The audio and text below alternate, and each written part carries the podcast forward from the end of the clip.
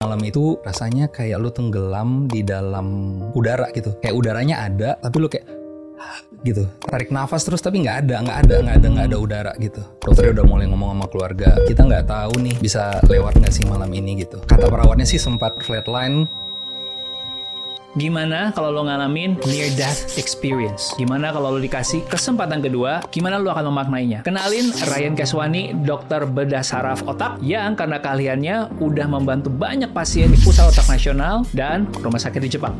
Tapi lebih dari itu, gue belajar banyak hal-hal praktis seperti Pertama, bener nggak sih mitos kalau otak kita ini cuma kepake 10-20%? Kedua, gimana kita bisa mengalahkan kecanduan di zaman modern seperti media sosial, pada saat lu membiasakan diri dengan si dopamin ini otak lu akan kayak oh ya this is fun Dan yang ketiga, gimana kita bisa mengingatkan memori atau daya ingat kita. konsumsi makanan lu jadi apa yang lu makan itu akan berpengaruh terhadap kesehatan otak lu rokok pasti merusak otak Alkohol juga. pasti merusak otak Dan terakhir yang terutama, gimana kita bisa menjadi seorang pasien yang ideal. kalau ke dokter, lu harus tanya sebanyak mungkin. Kenapa? Lu bertanggung jawab atas badan lu sendiri, bukan dokter. Karena itu badan lu dan lu bertanggung jawab, lu punya hak untuk mempertanyakan apa yang akan dilakukan ke badan lu. Doa gua semoga episode ini bisa membawa kebaikan buat kita sebagai individu, hubungan antara pasien dengan dokter yang lebih baik, dan masyarakat kesehatan Indonesia yang sama-sama akan terus bertumbuh. Gua Ruby, host dari 30 Days of Lunch. Yuk, kita grow bareng-bareng. Hello, you're listening to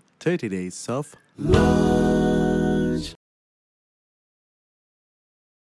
Mungkin mungkin kita ngobrolnya mulai dari sini dulu kali Ryan kayak ceritain sedikit tentang background lo. Mungkin ada kisah di masa lalu lo yang ngalamin sendiri sehingga akhirnya lo hari ini ngerasa wah gue tergerak banget nih untuk sharing tentang otak, tentang kesehatan dan kenapa lo juga akhirnya belajar kedokteran tentang otak. Mungkin it's a, it's a good start dari situ. Jadi 2021 tuh kemarin gua kena penyakit yang cukup berat, gua kena miokarditis. Em, diduga karena komplikasi dari vaksin, karena mereka nggak ketemu penyebab lain yang bisa menyebabkan gua kena miokarditis. Eh, dan kondisi itu tuh sempat jelek banget. Jadi dari dua minggu sebelumnya gue udah mulai merasa kayak yang kita bilang kayak masuk angin itu. Jadi tiap malam kok sumeng-sumeng, tapi Iya, iya. eh, kan gue olahraga ikutan kayak CrossFit base exercise, terus gue merasa kayak kok kekuatan lifting gue makin turun ya gitu. Biasanya gue bisa melakukan ini itu, gue bisa pull up dengan gampang, kok gue nggak ada tenaga. Sampai di hari itu gue malamnya tiba-tiba terbangun dengan keringat dingin berdebar-debar dan nyeri dada. Gue kira waktu itu kayak eh ini mah nih mungkin sampai Bukan besoknya. nih orang Iya. Indonesia. Iya, iya. Ya, besoknya gue ada acara ulang tahun teman, kita makan, gue nggak bisa makan sama sekali. Pulang sampai rumah gue istirahat, nggak bisa tidur karena sesek banget ke rumah sakit. Ini masih bertahan semenjak malam itu lu ngerasa sakit, Iya. masih ke acara gitu ya. Masih. Wow. Eh, terus ya acaranya sih santai sih ya di Iya, iya. makan dimsum dong di Sun Jadi City. sambil nahan-nahan sakit tuh ya. Sambil Nggak nahan sakit, jadi gue Oh. merasa gue sesek banget, jadi kayak narik nafas tuh kayak pendek. Makanya gue masih berasumsi bahwa eh ini mah nih mungkin. Iya, iya. Sampai rumah gue nggak tahu kayak gue nggak bisa tidur, apa-apa aja salah gitu, tetap sesek. Akhirnya gue minta tolong sama adik gue, bawa gue ke rumah sakit dong. Kayaknya mah gue parah banget nih. Gue dibawa ke rumah sakit gue. Gue masih kekini ini mah gue minta disuntik obat mah aja biar bisa pulang istirahat. Kan lagi zaman zamannya covid lagi mulai naik lagi tuh. 2021 November. Hmm. Gue dipasang saturasi, saturasinya 80. Teng. Oh, di bawah. Iya, terus eh, dokter jaganya bilang, "Dok, boleh nggak sih kita EKG dulu ya, screening takutnya mahnya dokter sakit jantung." Di EKG eh, EKG-nya keluar terus pulang, "EKG-nya apa?" Terus si dokter yang lihat, "Kita ulang lagi ya, Dok ya." Terus diulang lagi. Gimana? Kita ulang lagi ya, Dok ya, diulang lagi sampai tiga kali. Oke. Terus dia diem, terus dia bilang, bentar ya dok, saya lapor. Terus dia langsung lari, panggil dokter jantung. Dokter jantungnya by call, by phone. Terus dia langsung bilang, dok, ada yang salah sama jantung dokter. Terus gue kayak, kenapa? Saya tuh sakit mah? Enggak. Dokter dirawat ya gitu. Terus langsung pasang saturasi, langsung pasang CG. Terus saya rebut ininya, EKG-nya, lihat.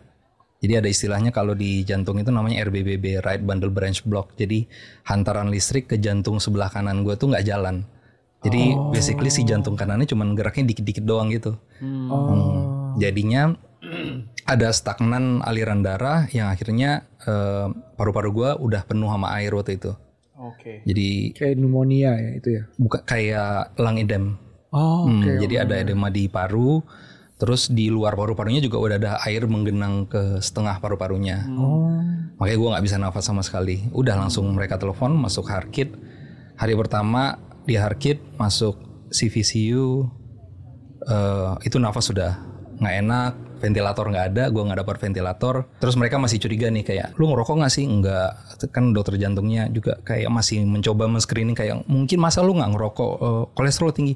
Dok, saya olahraga lima kali seminggu, hidup sehat. I really take care of my health, nggak nggak nggak pernah macem-macem. Terus akhirnya di cath jantung, di kateterisasi jantung, bagus semua pembuluh darah, cuma jantungnya aja yang gerakannya nggak oke. Akhirnya mereka bilang oke, fix ini myocarditis, but I think this is gonna be bad. Dia bilang. Terus gue udah sesak tuh ngomong udah nggak bisa. Akhirnya balik ke ICU masih nggak dapat ini. Saturasi gue mulai turun tuh 60. Dokternya udah mulai ngomong sama keluarga kayak ada adik gue, ada kayaknya nggak nggak ada bokap, cuman ada adik gue waktu itu.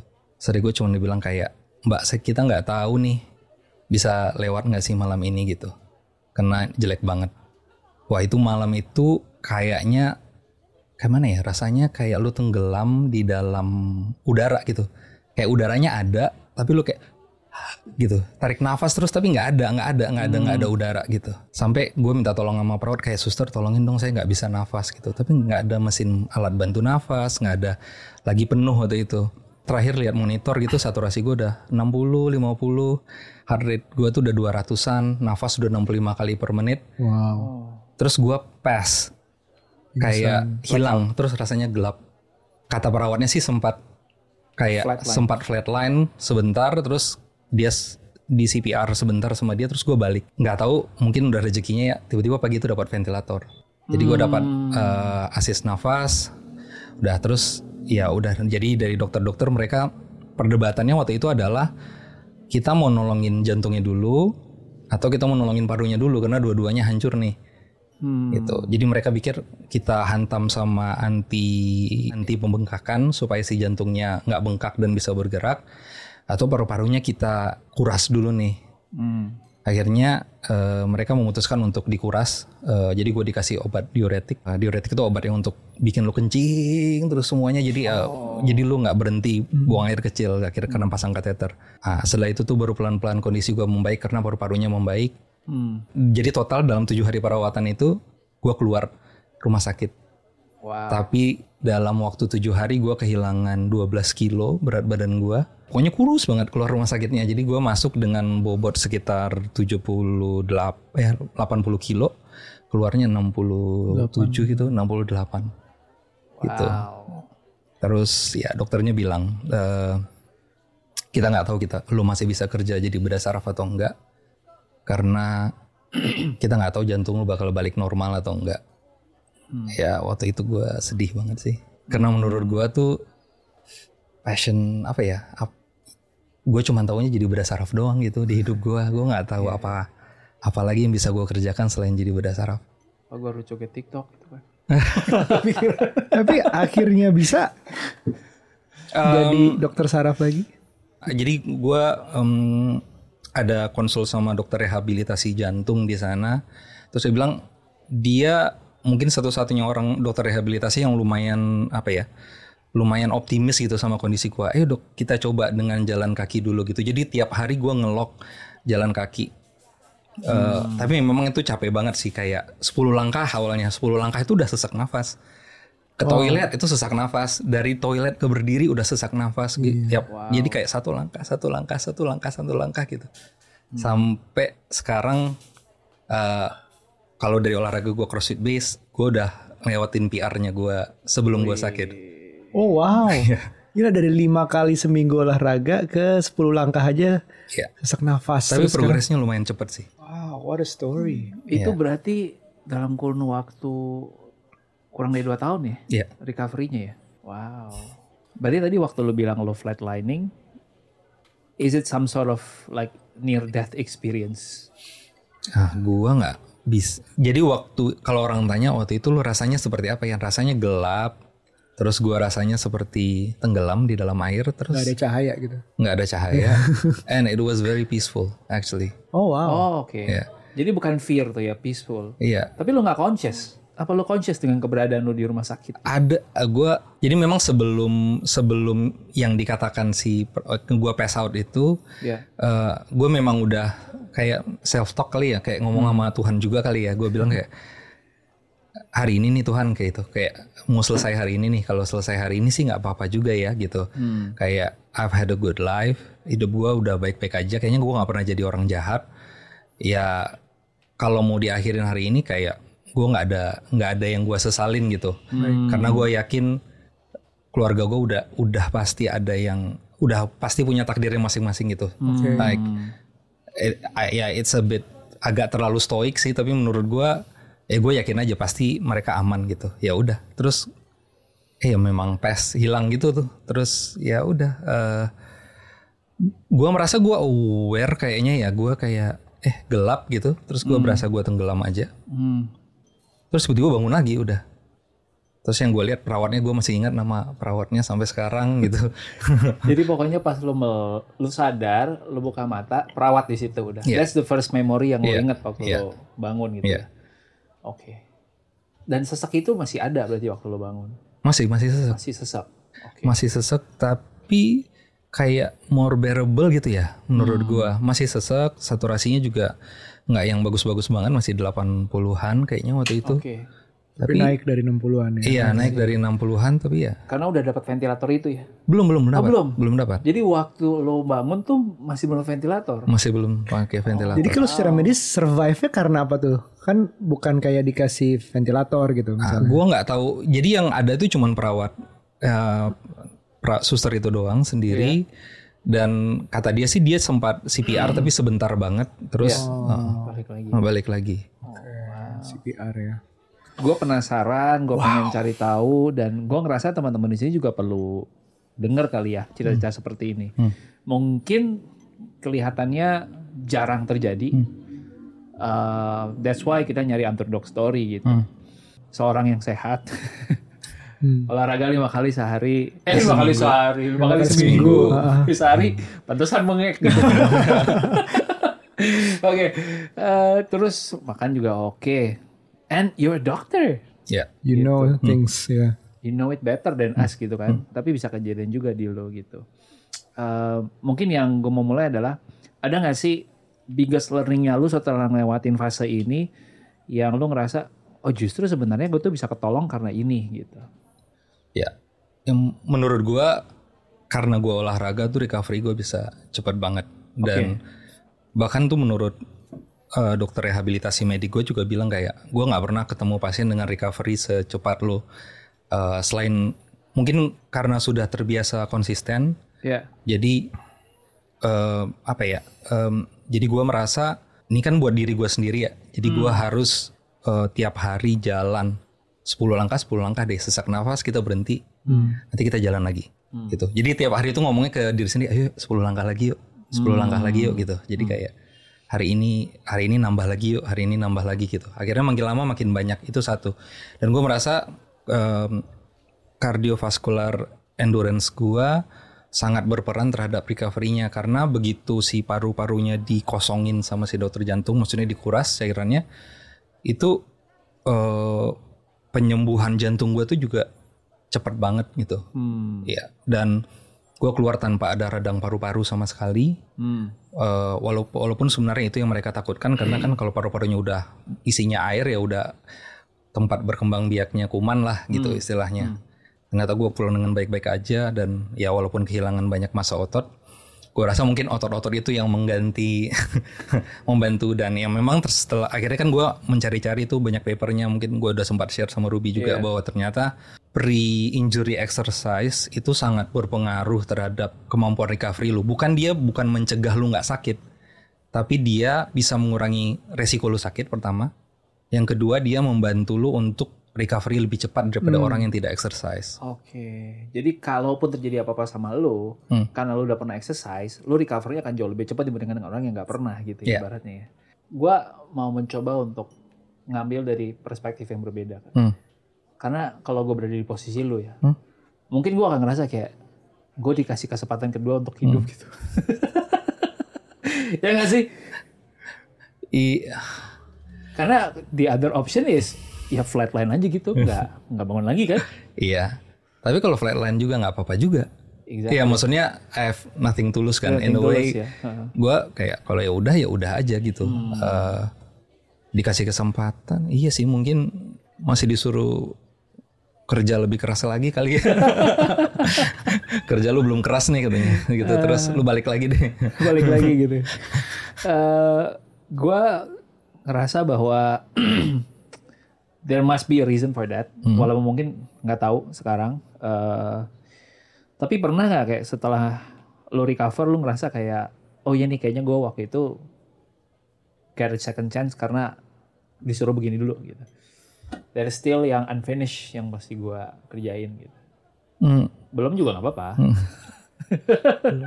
Tapi yang menurut menurut gue yang lebih berubah itu adalah pada saat gue ini eh, dibilang bahwa kemungkinan nggak bisa operasi lagi itu. Itu yang menurut gue merubah banyak hal karena gue merasa hidup gue tuh cuman bedah saraf doang. Selain bedah saraf tuh gue nggak peduli yang lain gitu. Mungkin di masa lalunya dulu gue pernah mikir kayak kayaknya gue tuh kalau pensiun jadi bedah saraf, habis itu gue besoknya bunuh diri. Karena gue nggak tahu gue mau jadi apa lagi setelah itu. Segitu Segitu cintanya ya ya. cintanya. ya.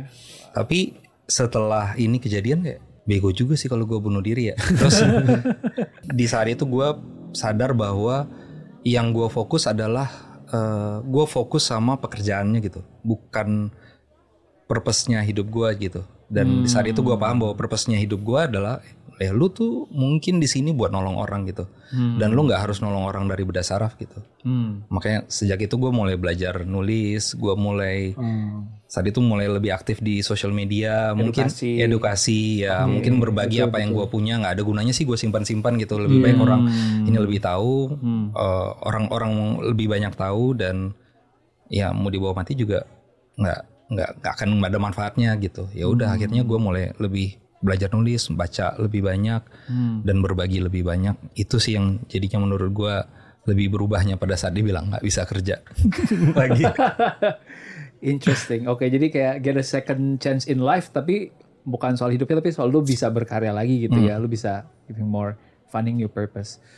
Semenjak lo ngelakuin itu dan mulai intens kayak edukasi, ada gak sih kayak konten yang paling ngena di audience tuh yang ngerasa kayak eh ini nih yang gue cari nih thank you banget udah sharing ini gitu. Yang pertama itu yang mengenai memilih sekolah kedokteran.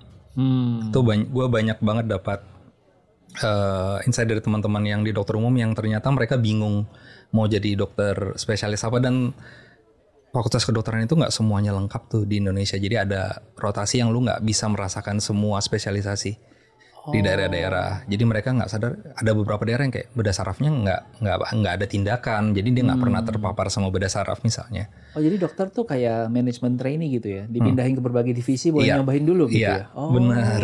Oke oke, that's new. Terus terus.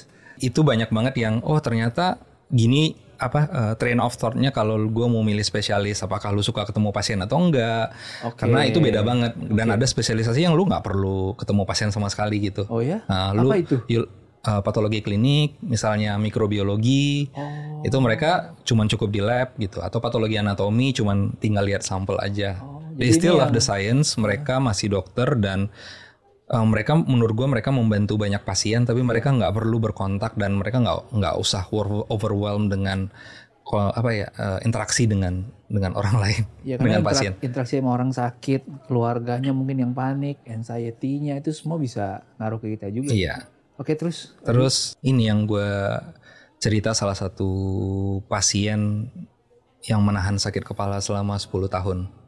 Dari sana gue banyak dapat eh, DM dari banyak pasien yang mereka akhirnya jadi periksa ke dokter dan ada yang berujung akhirnya jadi dioperasi sama gue karena dia datang ke rumah sakit kayak dok saya lihat Instagramnya dokter saya eh, pengen di screening dan dis- ternyata memang ada masanya terus dia kayak kita memutuskan untuk dioperasi gitu. Dan kayaknya Boleh kayak ah, ada manfaatnya gitu. Ah, boleh cerita lebih detail nggak? Maksudnya kayak sakit kepala 10 tahun itu gimana dan Jadi ada pasien yang menurut gue, eh, dia- jadi di kita datang pasiennya jalan ke klinik dengan baik, terus dia bilang saya sakit kepala dok udah berapa tahun bu? Biasanya pasien tuh suka nggak bisa nyebutin berapa tahunnya kayak udah berapa kali lebaran bu sakit kepala kayak gini, biasanya lebih ingat. oh Mereka akan mereka akan bilang kayak ya udah eh, s- 10 kali lebaran gitu atau kan kadang-kadang dia ingatnya waktu anak dari anak saya SMP Umur berapa gitu? Ah, biasanya patokannya kalau ibu-ibu Iya, tuh iya, anak iya, gitu iya. sangat selfless Iya. Iya iya. Terus kalau 10 tahun terus dan sakit kepalanya tuh semakin lama semakin memberat semakin memberat. Yang ternyata pada saat dia berobat ke gua itu kalau dibilang misalnya kita bilang sakit kepala itu 0 sampai 10, dia tuh di angka 10 yang udah sakit kepala banget. Tapi dia Wow. cuman ya dok sakit banget gitu. Dan gue tanya kenapa sih bu eh, ibu nahan-nahan? Dia bilang ya karena saya perlu hidup dok. Jadi jadi ternyata dia mendahulukan keluarganya daripada dirinya. Jadi kayak anak masuk SD dok. Jadi saya nggak bisa nanti aja deh habis anak masuk SD. Ternyata anak satu lagi masuk SMP. Nanti deh. Ternyata suaminya sakit. Oh, jadi segi biayanya yang dia nggak mau keluarin dulu. maksudnya. Apa waktu? Sebenarnya mungkin secara waktu? biaya mungkin BPJS aman ya. Iya. Tapi ya itu gue merasa banyak teman-teman yang wanita ini punya kemampuan menahan sakit yang luar Iya, iya, biasa. iya, betul, betul. Terus Gitu mereka sih. sering nggak mendahulukan diri mereka gitu. Iya iya iya. Hmm. Maksudnya you still gonna be a good mom even if you complain gitu. Lu ada sakit kepala, lu ada uh, keluhan kesemutan nggak apa-apa kok ngeluh gitu. You're still a good mom gitu. lu bukan bukan istri yang buruk, bukan ibu yang buruk walaupun lu ada kok ada keluhan itu gitu. Iya, Ya. Kayaknya nggak tahu tuntutan untuk jadi Sempurna. sempurnanya jadi lebih banget menurut gua Iya gitu. iya iya. And then akhirnya dia screening tuh kepala tuh. Ya, MRI. enggak, bukan. Dia kan datang ke poliklinik Iya, gua. Dialah yang membuat gua bercerita ke Instagram. I see. Akhirnya dari cerita itu ternyata banyak orang yang merasakan hal yang sama gitu. Oke. Dan orang-orang ini ya akhirnya kayak kontak ya ibu-ibu ini yang baru ngontak terus gue bilang ya silakan datang. Ada yang ke rumah sakit terdekatnya, ada yang akhirnya datang ke poliklinik gua dan kayak dok karena inilah saya berobat gitu. Dan itu bikin gue lumayan kayak ternyata ada manfaatnya lah gitu yang gue kerjakan ini nggak sia-sia gitu. You save life dong berarti Gue ya. nggak nggak ber- bersuara ke sebuah ruang kosong ya, kayak Iya. echo chamber seru sendiri gitu ya. Oke oke. Makanya abis itu setelah itu gue jadi lebih semangat gitu kalau mengerjakan ya udah yang penting kayaknya orang lebih relate kalau ini adalah suatu cerita yang ini bisa terjadi di di kita gitu mereka gitu. Wow. Iya kepala dan otak itu sesuatu yang mungkin orang nggak jarang banget kepikiran dan Hmm. nggak nggak masuk aja untuk kayak ngecek. Ya sayangnya otak itu tidak masuk dalam medical check up rutin. Iya benar. Ah iya Iya. benar benar. Harus MRI ya berarti ya. I- iya se- sebenarnya kan MRI yang tidak pakai zat kontras itu sudah cukup untuk screening dan itu paling kan makan waktu setengah jam. Iya iya iya. Mungkin kalau MRI-nya agak tua mungkin 45 menit gitu. Iya.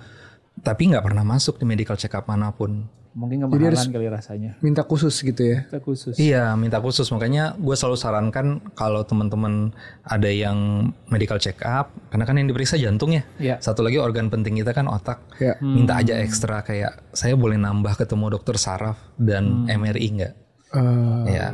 Tapi ada tanda-tanda khusus nggak yang misalnya perlu diperhatikan? Let's say, oke kayak tadi lu sakit kepala udah sekian lama nggak solve dan mungkin lu mesti Hmm. cek gitu. Ada nggak kayak ciri-ciri itu yang perlu di Ya biasanya sakit kepalanya ada polanya. Jadi lu akan sakit rasakan sakit kepala eh, awalnya mungkin sekali seminggu atau sekali Frekuensinya sebulan. nambah Frekuensinya akan makin lama semakin pendek. deket ya. Oh, Terus dia membaiknya bisa saja dia membaik dengan eh, awalnya dengan istirahat, tapi dengan obat terus nanti dosis obatnya lo akan makin naik-naik. Kalau lo udah merasakan kayak gitu, ada baiknya cek ke dokter gitu. Gue nggak bilang itu pasti Iya iya. iya. eh, s- tumor otak, eh, tapi eh, nggak ada salahnya eh, kita cek dan setidaknya diobatin lah gitu. Udah sakit Iya. kepala bertahun-tahun nggak ada solusinya. Tuh kan, dokter Ryan udah bilang bagian tubuh terpenting adalah otak dan otak adalah satu-satunya bagian tubuh yang nggak bisa regenerasi sendiri. Nggak ada yang bisa kita lakukan di situ kecuali terus melatih kemampuan otak kita dengan belajar hal baru. Salah satu contohnya dengan bisa ikut pelatihan di Metro Data Training di Metro Data Academy. Metro Data Training menyediakan sertifikasi bertaraf internasional yang membuat fresh graduate lebih mudah memenangkan persaingan di dunia industri industri dan membuat profesional karirnya melejit lebih cepat. Training di Metro Data Academy dibimbing oleh trainer profesional yang nggak cuma ngasih teori aja, tapi juga ngasih tahu cara mengidentifikasi dan mengatasi masalah teknis dengan cepat dan efisien. Ada 350 modul sertifikasi yang bisa kamu lihat dan daftar langsung di metrodataacademy.id. Karena Iya, untuk iya. teman-teman tahu ya eh, bukan cuma tumor otak, Hmm. jadi banyak banget yang Iya. ada yang mungkin bisa menjadi kenapa alasan kenapanya ada Hmm. Hidrosefalus tadi kita sempat ngomongin, ada onerism, Hmm. ada macam-macam lah dan hal-hal seperti itu yang memang diawali dengan ada perasaan pasti tubuh tuh bisa ngerasa ya sakit ya. Hmm. Ada sakitnya seberapa sakit, seberapa sering itu mungkin harus diperhatikan diri sendiri seperti apa. Karena ini aku em, dalam saking rumitnya otaknya aku juga em, iseng-iseng baca follow dokter Amen gitu ya. Eh, bilang bahwa sebenarnya nggak ada mental issues kalau otaknya nggak kenapa-napa gitu loh. Jadi begitu riset dia bahwa begitu diperiksa setiap mental problems itu ada otaknya mungkin pernah trauma antara jatuh kecelakaan atau apa atau lifestyle yang dari lama membangun jadi merusak sedikit bagian dari otaknya. Tapi mungkin eh, dokter eh, Ryan punya pendapat berbeda atau sama gimana tentang bahwa mental issue itu juga dari otak juga gitu. Ada cerita katanya ya dari pasien ya. Ya, jadi memang gue mungkin nggak bisa cerita sebagai psikiatris karena gue neurosurgeon, tapi mungkin kita bilangnya namanya gangguan mental organik. Jadi gangguan mental yang disebabkan masalah pada otak. Gangguan mental itu bisa muncul karena eh, misalnya nih eh, elektrolit darah lu rendah. It- Itu bisa ada jadi gangguan mental. Ah, kalau kasus yang paling sering gue temukan adalah misalnya kita operasi di area-area otak depan sebelah kiri gitu. Biasanya sebelum operasi, gue akan langsung bilang sama keluarga pasien, nih sesudah operasi ini ngamuk-ngamuk nih. Biasanya ngamuk-ngamuk dan galak pasiennya. Kenapa? Karena lobus frontal itu banyak, lobus frontal itu area depan, Ya. uh, frontal kiri itu banyak mengatur fungsi kognisi, tapi juga ada inhibisi dan disinhibisi itu. Jadi uh, si pasien ini akan banyak mengeluarkan sesuatu yang biasanya dia sifat dasarnya keluar banget. Yang biasanya dia bisa repress itu akan keluar semua. Jadi kadang-kadang bisa ya keluar kayak kebun binatang aja marah-marah ngomel-ngomel gitu kan. Kayak dok dia orangnya baik banget dol lembut banget gitu. Tapi Bisa saya nggak nyangka gitu. ibu saya bisa ngomong kasar kayak gini gitu. Ya saya kan udah bilang dari awal bahwa salah satunya kadang-kadang area itu karena dia mengalami pembengkakan area itu jadinya fungsinya terganggu sementara. Dan itu biasanya makan waktu sekitar bisa dua bulan tergantung tiap orang beda-beda. Semakin lu muda semakin gampang uh, recovery-nya. Ya ter- termasuk dengan olahraga tadi karena injury juga berpengaruh terhadap cedera otak. Eh apa eh, exercise terhadap berpengaruh terhadap cedera otak recovery-nya. Eh, kalau semakin tua biasanya semakin lamban. Iya. Tuh, uh, rata-rata sih sekitar dua bulan setelah itu baru mulai Kembali kembali, ke ya, bisa repress ya. atau mungkin kayak yang aneurisma rupture itu bisa pasiennya juga gelisah teriak-teriak. Dan dia mungkin dua bulan setelah itu baru saat baru muncul kesadarannya yang sebenarnya baru dia kayak gue ngapain sih kemarin dua bulan? Gue kejadiannya apa ya? Ada yang nggak ingat sama sekali udah kejadian saat itu. Karena ya otak itu mengatur semuanya dan dia kan kerjanya tuh bukan kayak ini cuma ngurus ini aja nggak kayak gitu. Dia kayak ada interconnection network jadi memori di sini bahasa di sini dan itu kombinasi itulah yang menjadikan kepribadian kita gitu.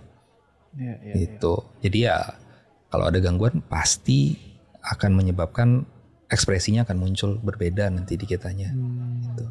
Makanya tadi ada kasus yang katanya orang juga bisa membunuh padahal dia nggak menyadar dia membunuh. Ah ya, ada kasus itu di Amerika Serikat yang dia membunuh eh, anaknya, istrinya, orang tuanya, terus dia bunuh diri. Ternyata di dalam eh waktu di otopsi dia memang ada tumor di otaknya. Oh, dan itu Gitu. mempengaruhi si Judgementnya dia ya, judgementnya dia terganggu oleh si tumor ini. I see. Mm. Oke. Since kita udah lagi ngobrolin itu, gue pengen ngulik mungkin sesuatu yang lebih praktikal, lebih ke life skill buat teman-teman yang dengerin. Ini di usia 20, 30 dia lagi di produktif-produktifnya nih dok. Ya. Ya kan. gue mau ngomongin yang pertama tentang memori. Hmm. Oke. Em, entah kenapa nih makin muda tapi banyak muda-muda udah, udah pikun nih. Ya. ya itu satu. Yang kedua, gue sendiri juga ngerasa kayaknya gue nggak punya recollection gue dari waktu lahir sampai gue kelas 2 atau 3 SD. Hmm. Anything before that, lu tanya aku gue nggak inget. Tapi dari kelas 4 SD ke atas gue bisa inget. Ya. Nah, yang gue pengen ngobrolin adalah ada nggak sih cara-cara praktis yang bisa kita lakukan untuk tadi ngelatih memori kita supaya lebih bagus? Adakah makanan tertentu bisa dilakukan, exercise bisa dilakukan? Ujung-ujungnya bisa ngaruh ke performance kita lah, pada daily life kita.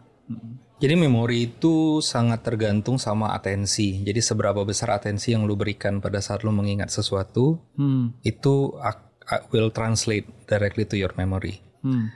Eh, makanya kan lu pernah lihat nggak sih orang-orang yang juara memori di dunia Memory itu? champion. Memory Iya, iya, champion kita Pernah itu ada banyak di episode kita. Iya, iya, iya. Biasanya mereka mengasosiasikan sesuatu yang mereka ingat Ya, betul. sama sesuatu yang mereka familiar. Betul. Ya Anja cerita itu gitu. betul. Uh, apalagi lu menggunakan dua organ sekaligus gitu. Misalnya uh, misalnya dia mengingat angka 5. Angka 5 diasosiasi, diasosiasikan sama warna merah dan bau harum gitu. Hmm. Jadi setiap ada warna dia disuruh mengingat angka 5, dia akan merah harum gitu. Jadi Hmm. Dua dia- senses ya? Dua senses dan itu biasanya lebih lebih kuat. I see. Nah, permasalahannya sekarang adalah atensi kita itu kan jadi currency ya buat buat Iya, ya, lebih mahal dari waktu sekarang. Bahkan ada istilah namanya sekarang uh, technological addiction namanya. Hmm. Jadi orang-orang sekarang tuh ter teradiksi sama teknologi karena semuanya minta atensi kita dan Iya. uh, semuanya memberikan sedikit dopamin boost. Hmm. Nah, jadinya otak lu ter Terstimulasi. terstimulus terus. Jadi karena otak ini kan dia gampang bosan. Jadi Iya. dia makanya kalau lu Ruby kayaknya yang rajin baca tuh pasti ada setelah berapa lama baca tuh kayak pengen gerak, pengen ngapain Iya, gitu ya. Atau kayak lu udah baca dua paragraf, tapi dua paragraf itu nggak masuk-masuk. Ya. Kita Atau lu nonton gampang ke distract dengan suara apa kayak itu apa Iya, gitu. benar, Terus lu malah fokus di hal itu. Iya. Sekarang kita nonton Netflix aja ada notifikasi ya ke situ. Nggak Iya. selesai satu film. Iya. Nah, jadi otak kita memang akan selalu mencari sesuatu yang baru jadi. Iya, iya. Nah, Jadi ya dopamin dopamin itulah yang akan bikin lu lebih gampang ke distraksi. Dan pada saat lu membiasakan diri dengan si dopamin ini, uh, otak lu akan kayak oh ya this is fun, ini gampang, lu bis, gua bisa dapat dopamin shot dengan sesuatu dengan waktu yang tidak perlu effort terlalu besar, terus gua dapat dopamin shot. Ya udah. Jadi atensi lu makin lama makin berkurang. Makanya bahkan gue pernah nanya temen gue ada yang bahkan tidak bis- pernah bisa nonton film lebih dari 15 menit katanya. Kalau 15 menit dia harus pause dulu, terus dia ke mana dulu, terus baru ini lagi. Kalau enggak, udah gelisah katanya. Wow. Iya mungkin. Kebayang sih. Kebayang. Ini- Brain is such a powerful organ kan. Paling paling kuat nih sekarang. Jadi kalau kita ngomong tadi jelek-jeleknya ya, ya segala macam penyakit yang mungkin pada otak. Tapi tapi fungsinya itu luar biasa bagusnya buat ya vital lah buat kita ya. Karena kalau gue dengar ada yang namanya brain age juga gitu.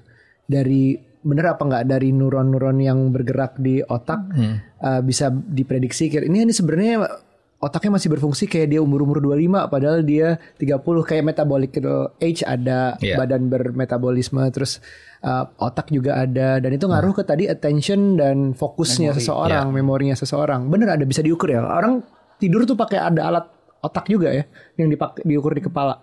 Eh, itu ada untuk eh, namanya sleep sleep study. Biasanya kita evaluasi tidur dengan melihat gelombangnya. Eh, itu satu bidang khusus lagi di neurologi biasanya mereka yang mengerjakan itu. Tapi memang eh, otak itu secara umum semakin lu tua dia semakin mengecil. pasti Ah, jadi ada atrofi, Shrinking, ha. jadi brain atrophy namanya. Makanya kalau orang tua kalau di MRI dibanding seumuran kita tuh otaknya akan jadi lebih berjarak tuh tengkoraknya Iya, sama otaknya jadi lebih berjarak. Permasalahannya adalah yang membuat otak itu punya fungsi banyak dan mencegah atrofi itu adalah neurological pathway. Jadi setiap kita melakukan sesuatu tuh akan ada pathway antar neuron. Pathway inilah si memori itu. Iya. Nah, tapi memori itu di reinforce dengan repetisi. Semakin oke jarang lu merepetisi dia akan hilang. Kecuali itu eh, sesuatu yang lu, lu di core banget punyanya kayak naik sepeda. Itu kan lu lakukan biasanya pada saat paling masih muda atau orang yang belajar berenang dari kecil ya udah udah bisa tahu gitu. Nah, itu jadi pathway itu kalau lu nggak latih hilang dan gimana caranya lu memperlambat aging lu? Ya lu belajar hal baru. Terus belajar ya. Iya. Jadi di- dikasih exercise otaknya itu. Iya, di challenge lagi karena contohnya matematika masih ingat nggak kalkulus? Hmm. Kayaknya enggak deh. Tapi waktu dulu mungkin masih bisa ya kalau dikasih soalnya, tapi Iya, setelah ya mungkin setelah 20 tahun kayak gue nggak ingat lagi kalkulus gitu. Karena Mungkin ya udah bergantung sama kalkulator lebih gampang. karena otak itu sangat energi efisien. Begitu dia menganggap bahwa oh kita udah nggak perlu ini nih, informasi ini sudah tidak perlu, kita hapus. Oh gitu. I see. Oke. Tuh. Jadi salah satu caranya adalah belajar atau Ya, exercise paling otak gampang tadi. belajar bahasa Ada misalnya. ada brain Belajar food nggak? bahasa. Brain food Yang disarankan untuk katanya ada bilang-bilang makanan buat otak gitu yang S- sampai sekarang gue belum menemukan literatur yang benar-benar menyarankan ya karena gini otak itu tidak punya kemampuan regenerasi jadi what apa yang lu punya dari setelah selesai perkembangan otak di umur 3 tahun itu yang akan lu punya sampai dewasa Bentar, bentar, bentar. Tiga Mundur tahun. sedikit. ya Otak itu nggak punya kemampuan regenerasi. Berarti ada organ lain yang bisa regenerasi. iya contohnya kulit misalnya kalau lu luka Iya, dia akan sembuh lagi, lagi, ha. kalau otak kalau dia luka ya udah That's it. for life. for life jadi Jadi kalau lo nggak lu bisa implan otak memang makanya. iya Terus ditambah mengecil lagi kalau udah tua ya. iya Oke. Makanya kalau misalnya lu eh, mengalami cedera di otak ada yang rusak dan rusak itu ada, akan permanen. Tapi memang otak punya plastisitas. Jadinya Apa itu? Biasanya area yang rusak itu fungsinya akan diambil sama area lain. Hmm. Tapi area lain yang mengambil fungsi ini ya kayak misalnya gini nih gue nggak bisa operasi terus gue suruh Ruby, Ruby diajarin operasi. Mungkin nggak akan sebagus gue operasi gitu. Tapi Eh, tapi dia tetap bisa mengerjakannya Ah, misalnya oke, kalau oke, di training oke, oke, gitu. Oke oke oke. Jadi dia karena dia bukan areanya, ya makanya kalau ada orang stroke eh, biasanya pelan-pelan nanti akan bisa berjalan lagi, tapi jalannya pasti nggak nggak normal gitu. Jadi bicara repetisi kan. Berarti kalau orang yang sekarang semakin nggak ngebiasain diri untuk menahan diri baca 5 menit 10 menit, lama-lama ya gimana efeknya? What's the worst that could happen? Lama-lama nggak akan punya kesulitan berkonsentrasi sih. Oke. Makanya kayak kayak tadi temannya nonton 15 menit udah paling lama gitu. Iya. And itu bisa dibalikin nggak kalau orang kayak gitu? Iya. Gue belum pernah baca paper yang benar-benar eh, memberikan apa ya insight yang benar, tapi ada beberapa yang menyarankan kayak puasa dopamin. Hmm. Puasa dopamin. Iya. Yang kayak sosial media Iya, puasa di itu loh, ya, gitu detox Iya, itu ya. Jadi kayak lu kasih alarm aja, misalnya jam segini jam segini gue boleh lihat sosial media, selain itu enggak. Dan gradual kali ya. Iya. Berusaha tadinya puasa em, apa screen time-nya sekian Iya, terus dikurangin dikit-dikit. dikit-dikit Iya. jangan langsung drastis. Oke. Eh, tadi kita bicara udah sisi performance-nya in terms of gimana brain works. Tapi ngaruh nggak sih nutrisi? Dan kalau ngaruh seberapa ngaruh gitu? Kalau kita kan dulu dijejelinnya sama iklan nggak? Ya minumlah ginseng, ginkgo, Iya, ginkgo, ginkgo ginkgo biloba, gitu kan? Jadi ginkgo biloba eh, memang ada beberapa riset yang menemukan efek dari ginkgo- biloba. Jadi ginkgo biloba ini punya efek memper meningkatkan aliran darah ke otak. Jadi mem- melebarkan pembuluh darah. I see. Eh, diasumsikan dengan aliran darah ke otak meningkat, performanya akan meningkat. Tapi ya nggak akan bikin kalau lu nggak bisa bahasa Spanyol jadi bisa bahasa Spanyol gitu nggak bisa gitu. Iya, iya, iya, iya. Tapi pasti angkanya kecil banget. Memang Hmm. Tapi dengan aliran darah karena memang itu berlaku di otot kan. Jadi iya saluran ini kita meningkat karena kita sering exercise ke situ butuh Iya. tenaga ke situ dan Iya. ini prinsipnya sama ya. Iya. Hmm. Kalau lu mau brain food ya itu adalah misalnya konsumsi protein, konsumsi lemak sehat sebelum tiga tahun. Hmm. Wait, wait, wait. Balik ke tiga tahun itu. Tiga tahun maksudnya tiga tahun. Anak umur tiga tahun. tiga tahun. Jadi Iya, karena itu puncak-puncaknya perkembangan otak. Setelah tiga tahun, i- practically itu yang lu punya sampai lu meninggal nanti. Oh, Perkembangan otak lu. Bentar. Perkembangan otak dalam artian volume otaknya itu. Iya, volume, volume dan ya eh, apa ya Si- kelengkapan si otak itu. ah. Oh, Oke. Wah, gue anak gue udah lewat tiga tahun. Apa gue punya anak lagi ya untuk eksperimen ya kayaknya ya. Karena otak Wow, anak tuh masih tahun luar biasa banget. Iya, Nah, iya. Bahkan tuh kalau di bawah tiga tahun ada kasus-kasus tertentu yang kita bisa buang setengah otaknya, fung- fungsinya perfectly normal, nggak ada cacatnya. Oh ya. Jadi pe- pe- di parenting gue tahu ada golden uh, years, golden age untuk anak-anak lima tahun. Ada yang bilang tujuh tahun. Ternyata dari sisi otaknya aja tiga tahun ya. Iya. Berarti fisiologis tapi ya. Iya. Iya. Oke, tiga Ya, tahun. ya, ya, ya. harus di, ya penting nih untuk tahu nih. Ya wajib cuti tiga tahun ya bapak-bapak ibu. Benar, Untuk memastikan supaya tiga tahun pertama asupannya bagus. Nah, itu berarti kalau anak itu dari dari nutrisi ya? Nutrisi. Atau emang udah harus kayak Belajar hal baru belajar tadi. baca langsung belajar ini? Mungkin nggak belajar baca kali ya, tapi mem- jadi kan otak Merangsang banyak. Iya, jadi iya, iya. pathway itu akan dibentuk dengan segala macam stimulus. Makanya itu patokan orang anak berbicara biasanya dua Iya. tiga tahun udah bisa mengerti komunikasi ya. Iya.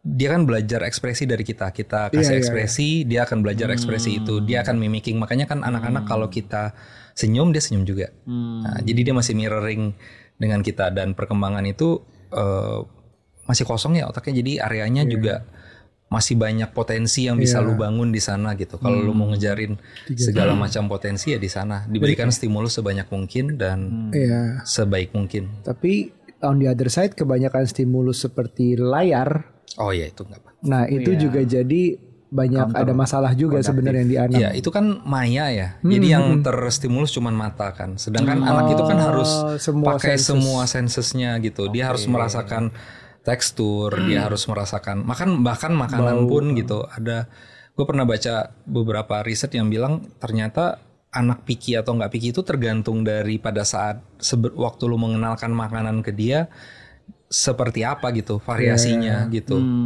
Dan Harus dipegang. tergantung juga sama apa yang lu makan. Hmm. Iya betul betul. Wah sih. Habis ini kayaknya kalau di Twitter nih kalau obrolan kayak di Twitter nanti akan muncul. ya kan. Tapi gue disclaimer dulu ya nih. Biasanya akan muncul nih orang-orang wah nih gara-gara bapak gua nih waktu gua kecil gua tiga tahun pertama nggak kasih makanan yang bagus nih. Gizi gua nggak bagus nih gitu kan gitu. Pantesan gue bego gitu. Lu pintar bisa tahu lu bego. bagus. pantesan gue. At least self awarenessnya bagus ya. Tapi maksud gue gini, maksud gue kita udah di luar usia itu, kita udah dika- dibekali dengan apa yang udah kita punya sekarang. Dan the fact is, gue nggak inget apa yang gue alami sampai kelas 4 SD gue baru ingat. Apa yang bisa gue lakukan supaya mengimprove itu, gitu. Tadi selain sih belajar tadi lagi, gitu. Terus mungkin anything. Konsumsi makanan lu. Tuh, Jadi apa yang lu makan itu akan berpengaruh terhadap kesehatan otak lu. Hmm. Rokok pasti merusak otak. Rokok pasti Iya, merusak pasti. otak. Alkohol juga. pasti merusak otak karena setiap lu minum alkohol eh, sekian persen sel otak lu, sekian ribu sel otak akan mati. Tuh dengar ya teman-teman ya. Yang di sini So terutama. if you never, jadi gini orang bilang kayak, dok tapi kan bagus dok minum alkohol apa minum wine sebelum tidur, iya itu papernya di retract, setahu gua. Jadi dia Oh, papernya di retract. Iya, papernya di retract bahwa itu em, bagus untuk jantung dan bahkan ada yang menyarankan if you never start drinking alcohol, don't start. Hmm. Jadi kalau bisa nggak usah minum sama sekali. Oke, saya mulai hibahkan koleksi wine saya di rumah per hari ini. Oh iya lagi jadi sommelier.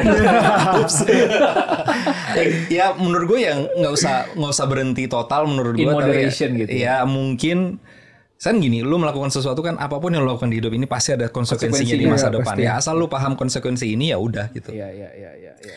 Iya. Juga tentunya obat-obat terlarang juga Oh iya, termasuk. kayak amfetamin itu menyebabkan kerusakan permanen di otak Marijuana karena dia gitu ya. eh, berikatan dengan reseptornya beneran langsung eh, langsung nggak nggak bisa lepas kalau kayak amfetamin ya obat-obat hard drugs tuh rata-rata Iya. Hard drugs. rusaknya akan permanen makanya di US tuh lagi pandemi mental health kan karena kan Larinya ke situ, Iya dari larinya ke situ. dari drugs juga. Jadi jadi kayak lingkaran setan gitu. Jadi ada orang yang punya mental illness lari ke drugs, terus si drugsnya juga bikin mental illness lagi. Jadi udah muter-muter. Muter makin aja nggak ada habisnya, paradoks. Ya, itu. Terus tidur. Kalau Tidur untuk juga penting. iya untuk kesehatan otak lo. Karena eh, pertama si tidur memberikan waktu lu untuk istirahat otaknya, Iya, eh, reorganisasi informasi, iya. eh, ya lu ada cycle kayaknya lu pernah ada eh, sesi pernah tidur ngebahas. ya sama terus memang si otak juga eh, mengeluarkan cairan otak kita bilang namanya cerebrospinal fluid itu paling banyak di malam hari terus nanti dia diserap lagi gitu Oh. Gitu. bisa produksi sampai 200 300 cc di malam hari gitu Oh. Kopi gitu masih aman ya? Cek gitu Kopi ya, masih aman kopi minta apalagi apalagi ya Minta masih aman. Minta pembenaran. semua zat disebutnya Apa yang kalian suka kalian suka. Iya iya iya iya. Eh yang dibilang bahwa kita manusia baru menggunakan 10 apa berapa belas persen dari otak kita, terus ternyata kita ternyata bisa segala macam hal lebih dari otak kita, itu kurang tepat sih Kurang tepat ya, oke. karena otak itu semuanya tuh ada fungsinya. Jadi orang bilang eh, oh ternyata ada area dominan non dominan in a way ya tapi kalau lu mengetes eh, misalnya gini jadi kita ada namanya functional MRI bisa dilihat di sana pada saat lu melakukan sesuatu area otak mana yang akan aktif. Dan kalau misalnya gini kalau lu lihat nonton area visual sama area pendengaran tuh aktif. Tapi kalau lu dengerin musik klasik misalnya jadi lebih ke arah uh, pendengaran terus lebih ke otak bagian depan gitu misalnya. Dan itu jadi kan orang selalu kebayang tuh jadi otak tuh ada satu area di, di sana nih semuanya. Enggak jadi area ini buat ini area ini buat ini. Jadi masing-masing itu kolaborasi itulah yang yang jadi sebenarnya 100% sih dipakai gitu. Pakai cuma waktunya nggak bersamaan mungkin Iya. gitu, gitu ya. Oh jadi nggak kita nggak akan telekinesis gitu ya terbangin "Shh, kamera sini zoom. Oh bisa? Kalau itu bisa minta editor. Karena kayaknya lu akan overwhelm kalau semua area otak lu aktif karena kan berarti lu mendengar merasa terus ya in- ya semuanya Semua indera nyala. iya jadinya berlebihan pasti informasinya Iya iya iya iya iya iya Satu lagi yang kau pengen ngulik. I think kita masuk ke bagian kedua ya teman-teman ya. Karena jarang kita bisa ngebahas sebebas ini.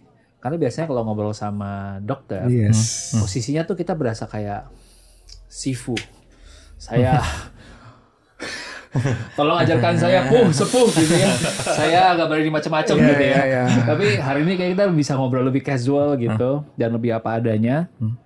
Em, Ryan sempat mention gimana caranya untuk kita punya kayak masyarakat kesehatan yang lebih ideal. Eh, kita harus mulai dari mana sih gitu. Misalkan kita start dari gini deh. Yang tadi gue ngerasa kalau gue datang ke dokter, gue ngerasa aduh gue nanya kebanyakan gue takut ganggu dia. Tapi kan ya gue perlu tahu juga yang gue mau. iya. Nah terus kadang-kadang giliran gue nanya, dia juga kayaknya malah lagi buru-buru nih. Iya. Entah ngejar tindakan, dia jawab secepat mungkin gitu. Iya, betul. Nah, itu kan udah membuat sebuah dinamika yang buat kita kayak oke awkward, gue nggak tahu harus ngapain gitu. Iya.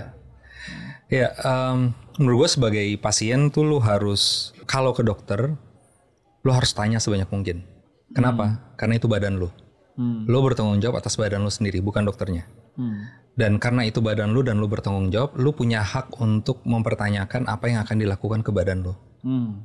Karena dokter tidak akan bisa melakukan apa pun ke lu tanpa persetujuan dari lu. iya Lu harus ingat itu. consent gitu.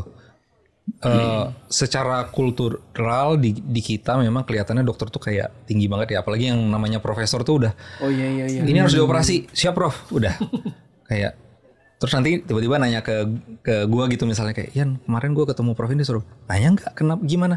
Nggak nanya takut. Lah gimana? Gitu.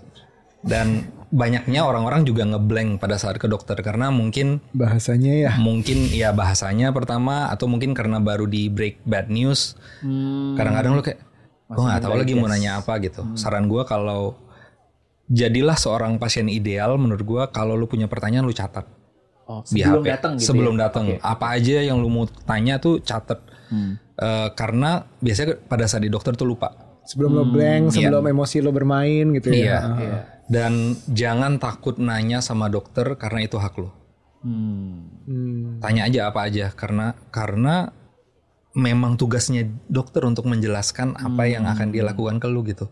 Misalnya gini, lu dikasih obat namanya methylprednisolon gitu misalnya. Lu harus tanya ini efek sampingnya apa dok? Apa yang harus saya awasi? Ini normal nggak kalau apa aja yang normal saya rasakan kalau saya minum obat ini? Hmm. Itu harus ditanyakan ke dokternya. Karena kalau enggak ya menurut gua sayang aja gitu. Buat apa lu berobat ke dokter kalau lu cuman terima apa adanya dan Iya. ilmu dokternya juga goes to waste gitu. Uh, terus sebagai pasien jangan takut second opinion menurut gue. Nah, gue baru mau ke situ nanti. Iya. Silakan. Karena gue melihat banyak sekali pasien yang kalau udah berobat ke seorang dokter yang sangat terkenal sudah udah wah dia kan dokter udah pro- honoris causa di mana gitu atau udah dari luar negeri gitu Iya, iya.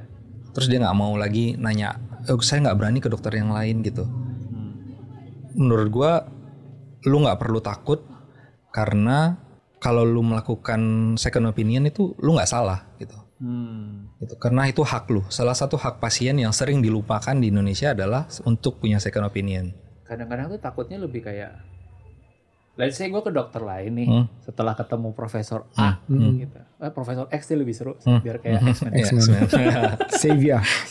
Let's say gue udah ketemu Profesor Hmm. X, terus dia kasih tau gue diagnosa ini. Gue pengen ketemu yang lain. Yang gue takut adalah Hmm.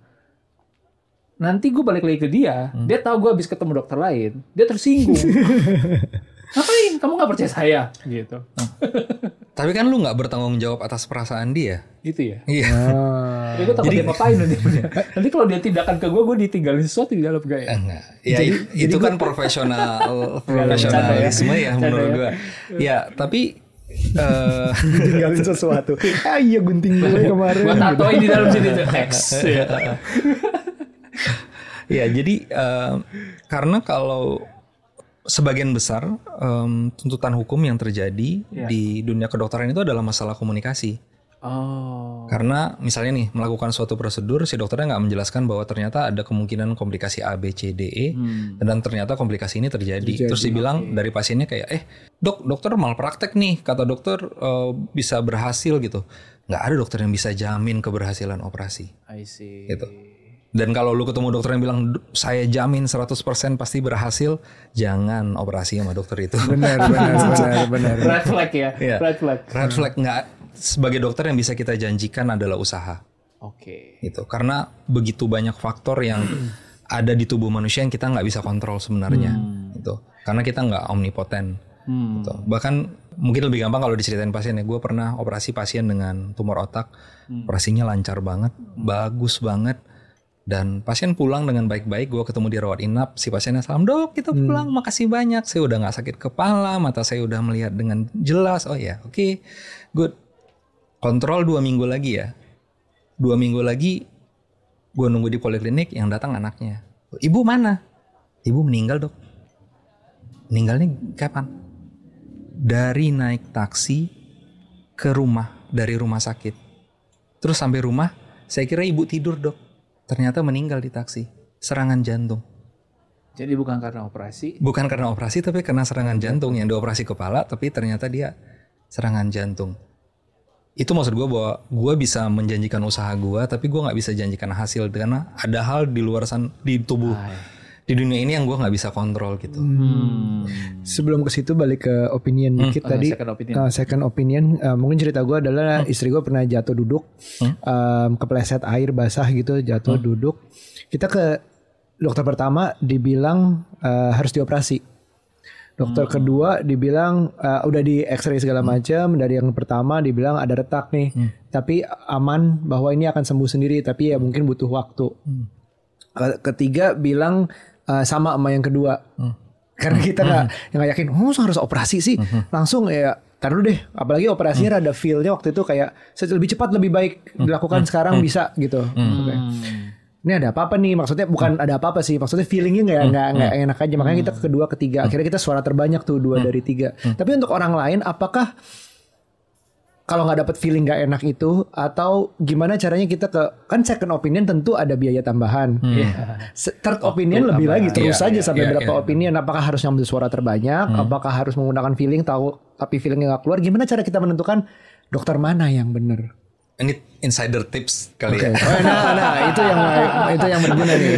insider tips lu tanya dokter yang bagus dari dokter juga Oh. Caranya dokter yang bagus dari dokter. Iya. Bentar, bentar. Gimana tuh? Jadi Ya ya ya ya. karena yang tahu siapa dokter yang bagus tuh biasanya gua sarankan tuh nanya sama teman-teman dokter umum Hmm. karena biasanya pasien kita tuh suka kontrol-kontrolnya ke mereka gitu dan mereka biasanya judgementnya lumayan mereka bisa menilai itu kayak oh ternyata sama dokter ini tuh kayak gini gitu Oh, Nah, ternyata sama karena kan kalau sama dokter spesialis umumnya pasien nggak berani komplain Tapi kalau sama dokter umum dia cerita tuh biasanya.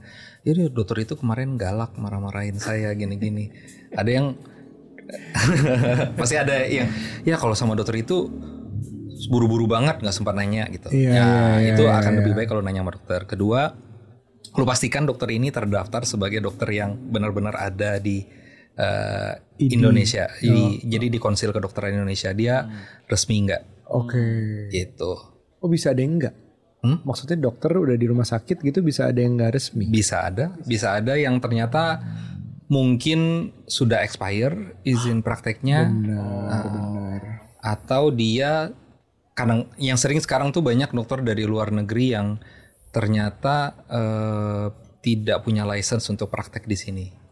Oh gitu. Baru tahu, Ya baru gitu. tahu.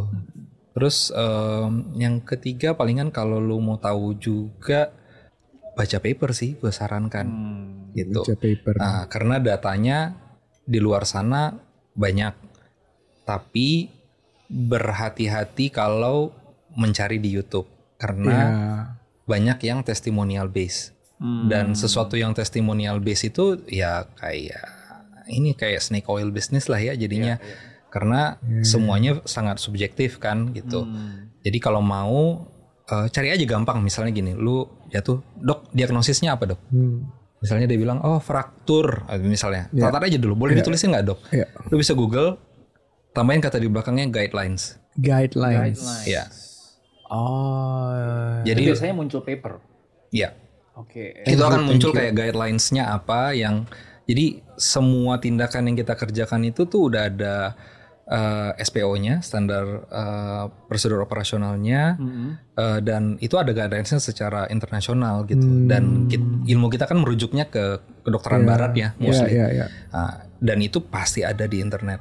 Dan lu bisa cari, oh ternyata ini kenapa nggak di ini ini itu lu bisa challenge challenge dokternya. Dan paper tuh update ya kadang-kadang ada yang di retract gitu Iya, segala macam. iya. Paling gampang carinya di PubMed. PubMed gratis. PubMed. Iya. Oke, oke. PUB MED, ya. Bentar, berarti disebut dengan guideline itu adalah gini, kayak kayak decision tree gitu ya. Iya. Kalau A biasanya opsi bisa B, C, D. Berarti mesti B dilakukan dulu. Iya. Kalau udah nggak ada opsinya baru ke C, baru ke D. Iya. Kalau misalkan dokternya tiba-tiba ke D langsung tanpa menyarankan B dan C, dan maybe it's red flag lu cari second opinion. Gitu. Iya, atau lu tanya dokternya kenapa? Hmm, Karena kalau kalau mungkin bisa aja misalnya dokternya sudah menemukan gejala tertentu yang oh ternyata nggak perlu periksa ini lagi ya. Jadi dia tapi dia nggak komunikasikan. Nggak- Iya. hemat Intinya waktu. ya lu sama dokter tuh kayak partner ya. It's all about trust. Kalau lu nggak percaya sama dokternya ya Sulit jangan juga, operasi sama dokternya. benar, Iya, iya. Dan dokternya juga harus percaya sama lu gitu. Dia karena gue harus percaya sama pasien gue nggak akan nuntut gue gitu. Iya. Kalau nggak ngapain gitu. Dan berusaha senetral mungkin dalam bertanya. Karena kalau kita terlalu hostile bertanyanya nanti dokternya merasa kayak oh ini pasiennya nggak percaya sama gue ya buat apa operasi sama gue gitu. Atau kadang-kadang ada yang sangat ekstrim pasiennya yang bisa ngomong kayak gini nih gue pernah pasiennya datang dok oh ya gini-gini oh ya bisa gagal operasi dok bisa kalau gagal berarti saya bisa nuntut dokter dong Wow, dari awal. Itu red flag pasiennya. kalau dari awal kayak gitu karena gini ada undang-undangnya yang bilang Iya, bahwa kalau ada ancaman tuntutan hukuman dok, eh, hubungan dokter pasiennya putus. Dan gue boleh menolak untuk tidak melakukan tindakan terhadap pasien yang mengancam menuntut gue Jadi ro- batal. iya Oke. Oke. karena berarti kan dia nggak percaya sama gue Betul, betul. apa gunanya berobat sama orang yang lu nggak percaya Iya, iya, Iya, mending dia cari dokter yang dia percaya Iya, iya, iya. Dan dia akan gitu ke semua dokter kayaknya. Dia dong. Sampai akhirnya dia Asumsi. cuman diterima di tukang urut, Iya, iya, benar, benar, pijit alternatif gitu ya. Aduh. Nah kalau tadi kan dari angle dokter, angle rumah sakit. Sekarang gue mau coba share dari angle pasien. Gitu. Hmm. Ini juga gue baru mulai belajar ini. eh, satu karena gue punya eh, dokter di rumah ya. Hmm. Dokter yang graduates dari Grey's Anatomy University.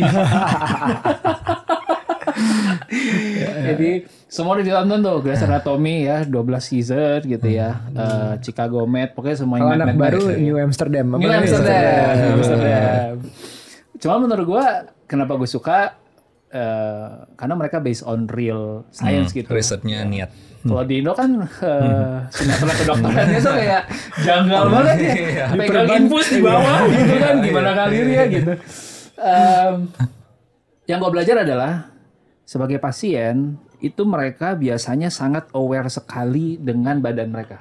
Jadi misalnya waktu mereka datang, mereka tuh bisa ceritain dengan detail gitu. Oh, gua mulai sakit tuh di hari kesekian. Yang pertama gua rasain tuh ini. Kemudian painnya itu di bagian sini. Painnya itu juga bisa bisa describe gitu. Apakah rasanya kayak lo digigit atau kayak ditusuk atau kayak lo rasa pegel atau lo kayak kesemutan. Dan menurut gue itu nggak banyak orang Indonesia yang punya kemampuan mendeskripsikan painnya mereka dengan baik. Ya. Dan yang kedua nggak nyatet Ya. gitu sehingga kayak yang ngawang aja kayaknya sih begini sih dok, kayaknya sih Iya. begini sih dok. Dan sementara dokternya kan di kepala kan lagi mendeduksi kan, Hmm. kayak dedektif kan kira-kira oh nih gejalanya bisa ke mana gitu. Iya. So semenjak gue diajarin itu sama eh, dokter Bella istriku tadi lulusan Grace Anatomy University gitu ya, gue mulai aware kalau sebelum ke dokter gue udah nyatet dulu gitu. Kayak kemarin nih gue masih ada tuh hasil MRI gue baru dari sejam yang lalu. Pas ketemu profesornya gue udah bilang, Prof, gue punya tiga hal yang pengen gue cek sama lo. Satu di tangan, dua di back pain, tiga di lutut, gini gini. gini. Dan itu sangat ngebantu sekali menurut gue. Gitu. Eh gue cuma mau bilang gitu sih, but lo as a dokter sering gak sih ngalamin kayak lo juga kesulitan karena ya tadi pasiennya juga bingung gitu. Ya sering banget tuh. eh gue ketemu pasien-pasien yang dia bahkan nggak aware gejala dia sendiri tuh ada gitu. Hmm. Jadi gue banyak berurusan sama tumor yang berhubungan dengan batang otak. Jadi misalnya gue tanya, ibu ada keluhan lain nggak ada? Oke. Terus kalau saya pegang di kanan mukanya sama kiri itu beda nggak bu? Oh iya dok beda ya, gitu kayak.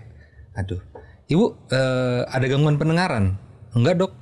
Terus nanti tiba-tiba anaknya ngomong, iya dok agak bu- agak budetnya akhir-akhir ini gitu kalau saya ngomong. Untung ada anak Satu gitu lagi, ya. iya. Ada anaknya. Oh. Atau bahkan ada orang yang pan- lapang pandangnya udah gelap, masih kekeh kalau dia masih bisa melihat. Tapi nanti orang itu banyak banget kejadiannya dan ap- a- borderline antara denial sama positivity kali ya. Iya, gua. benar benar.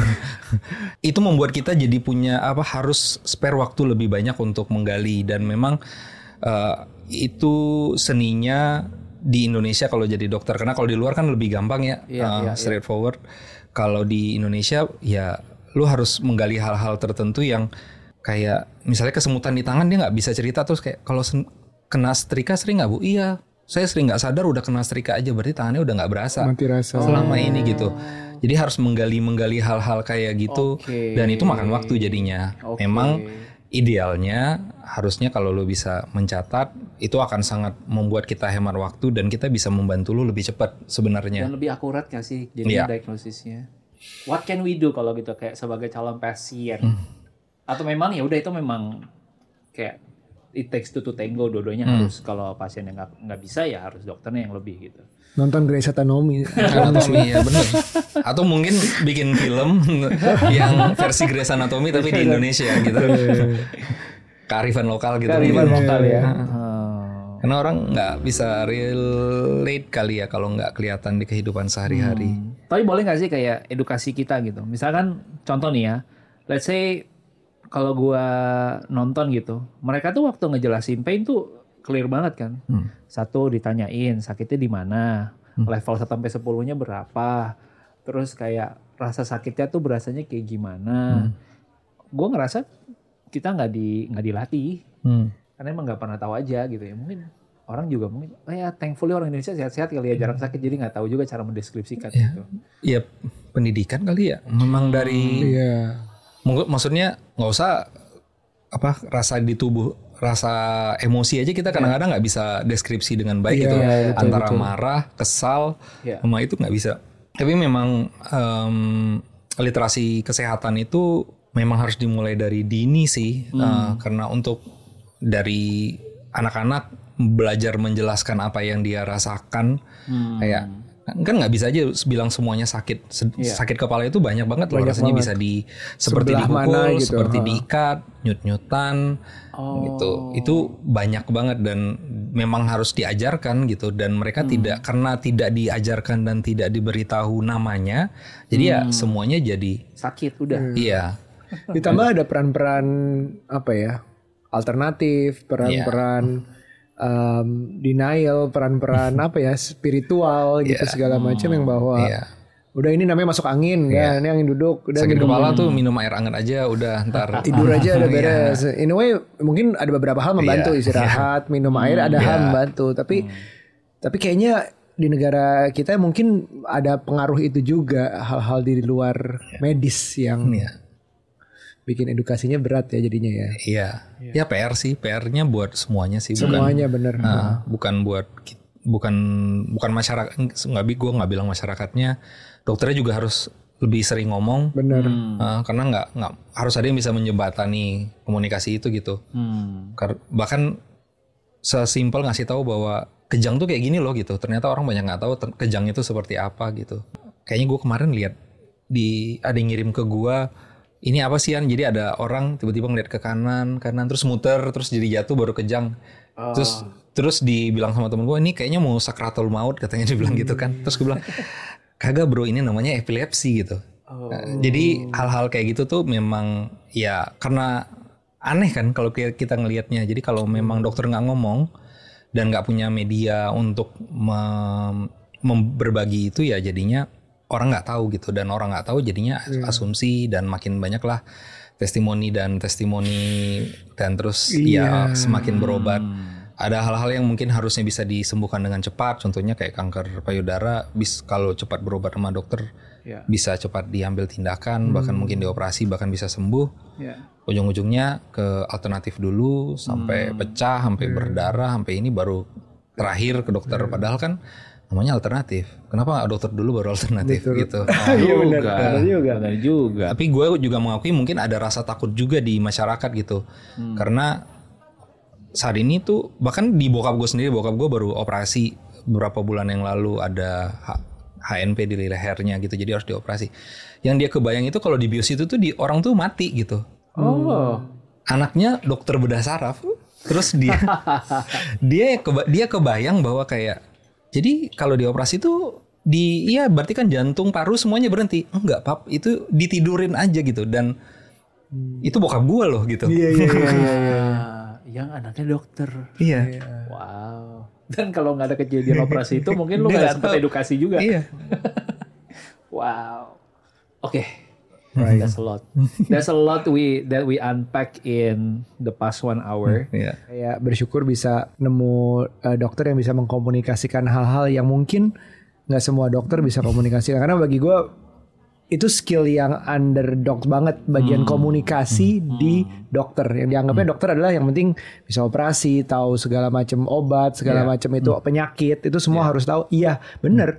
Tapi kalau itu nggak bisa disampaikan, gimana dokter menceritakan sebuah penyakit, men- menceritakan kabar buruk, menceritakan konsekuensi atau resiko-resiko yang ada, Um, bahkan bahkan Ryan tadi, dokter Ryan ini kayak bisa trigger pertanyaan-pertanyaan tertentu yang akhirnya menemukan penyakit tersebut. Ada dokter yang cuman udah, ya udah, yuk lanjut, udah, yuk lanjut. Karena ya banyaknya pasien ngaruh ke um, harinya dia. Dan itu ini bersyukur banget karena apalagi mengkomunikasikannya di platform yang um, yang denger sekali banyak gitu. Iya, iya, Bukan cuman one on one. Dan ini yang diharapkan dari um, Ryan sendiri untuk memberikan oh ternyata eh, gua ngomong tuh nyampe toh ke lebih banyak orang. Dan ini semoga lebih banyak lagi. Bukan cuman at least kita bisa lebih kritis sama dokter hak nanya tadi udah ada juga. Terus hak membandingkan at, at least bukan membandingkan lah ya second opinion third opinion lalu memutuskan sendiri gimana kita mencari bener apa enggaknya. Suatu dokter suatu analisa Uh, I'm I'm feeling blessed nih. Ini kita kayak kayak dapat konsultasi uh, tapi super power gitu, super charge consultation yang didengar lebih banyak orang. Thank you so much Ryan. Thank you so much. sama-sama Yes. terima kasih juga udah diundang We love to have you again. Karena terasa masih banyak ya. Iya karena masih banyak ya. Nanti kita pas next time lu datang udah ada pasien 12 gitu. Bukan rumah sakit ya. Cuman dari gua mungkin yang pertama gua rasain adalah hangatnya seorang Ryan as a dokter tuh berasa. I think mungkin itu juga yang akan bikin jadi beda ya. Eh, dan the fact that lo pernah ngalamin momen yang mungkin ya gue sebut aja lah ya near death experience tadi juga jadi semacam reminder kalau ya masih ada purpose lebih gede yang lo pengen ngelakuin dan hopefully lewat three days of lunch hari Ya, ini that education yang lo pengen ngelakuin juga bisa Amin. nyampe lebih banyak Em, kalau teman-teman dapat sesuatu di episode ini please ramein karena konten yang berkualitas itu butuh orang-orang baik untuk menggaungkannya dan bisa ngetek at Eh, Ryan Keswani. Ryan Keswani, Ada di deskripsi. at Ya. Alexandro dan Ed Cegario. Sigario. Uh, dari gua mungkin satu lagi adalah gue mau nambahin ke teman-teman semua di sini kalau seneng ngomongin soal science kayak gini, gua suka banget dengerin si Huberman Lab. Ya memang itu bahasa Inggris. Tapi menurut gua dia selalu ngulik paper-paper yang terupdate, research-research yang terupdate. Selalu nggak punya waktu untuk ngebacain atau nggak punya akses untuk ke paper tersebut. So enjoy and see you at the next lunch.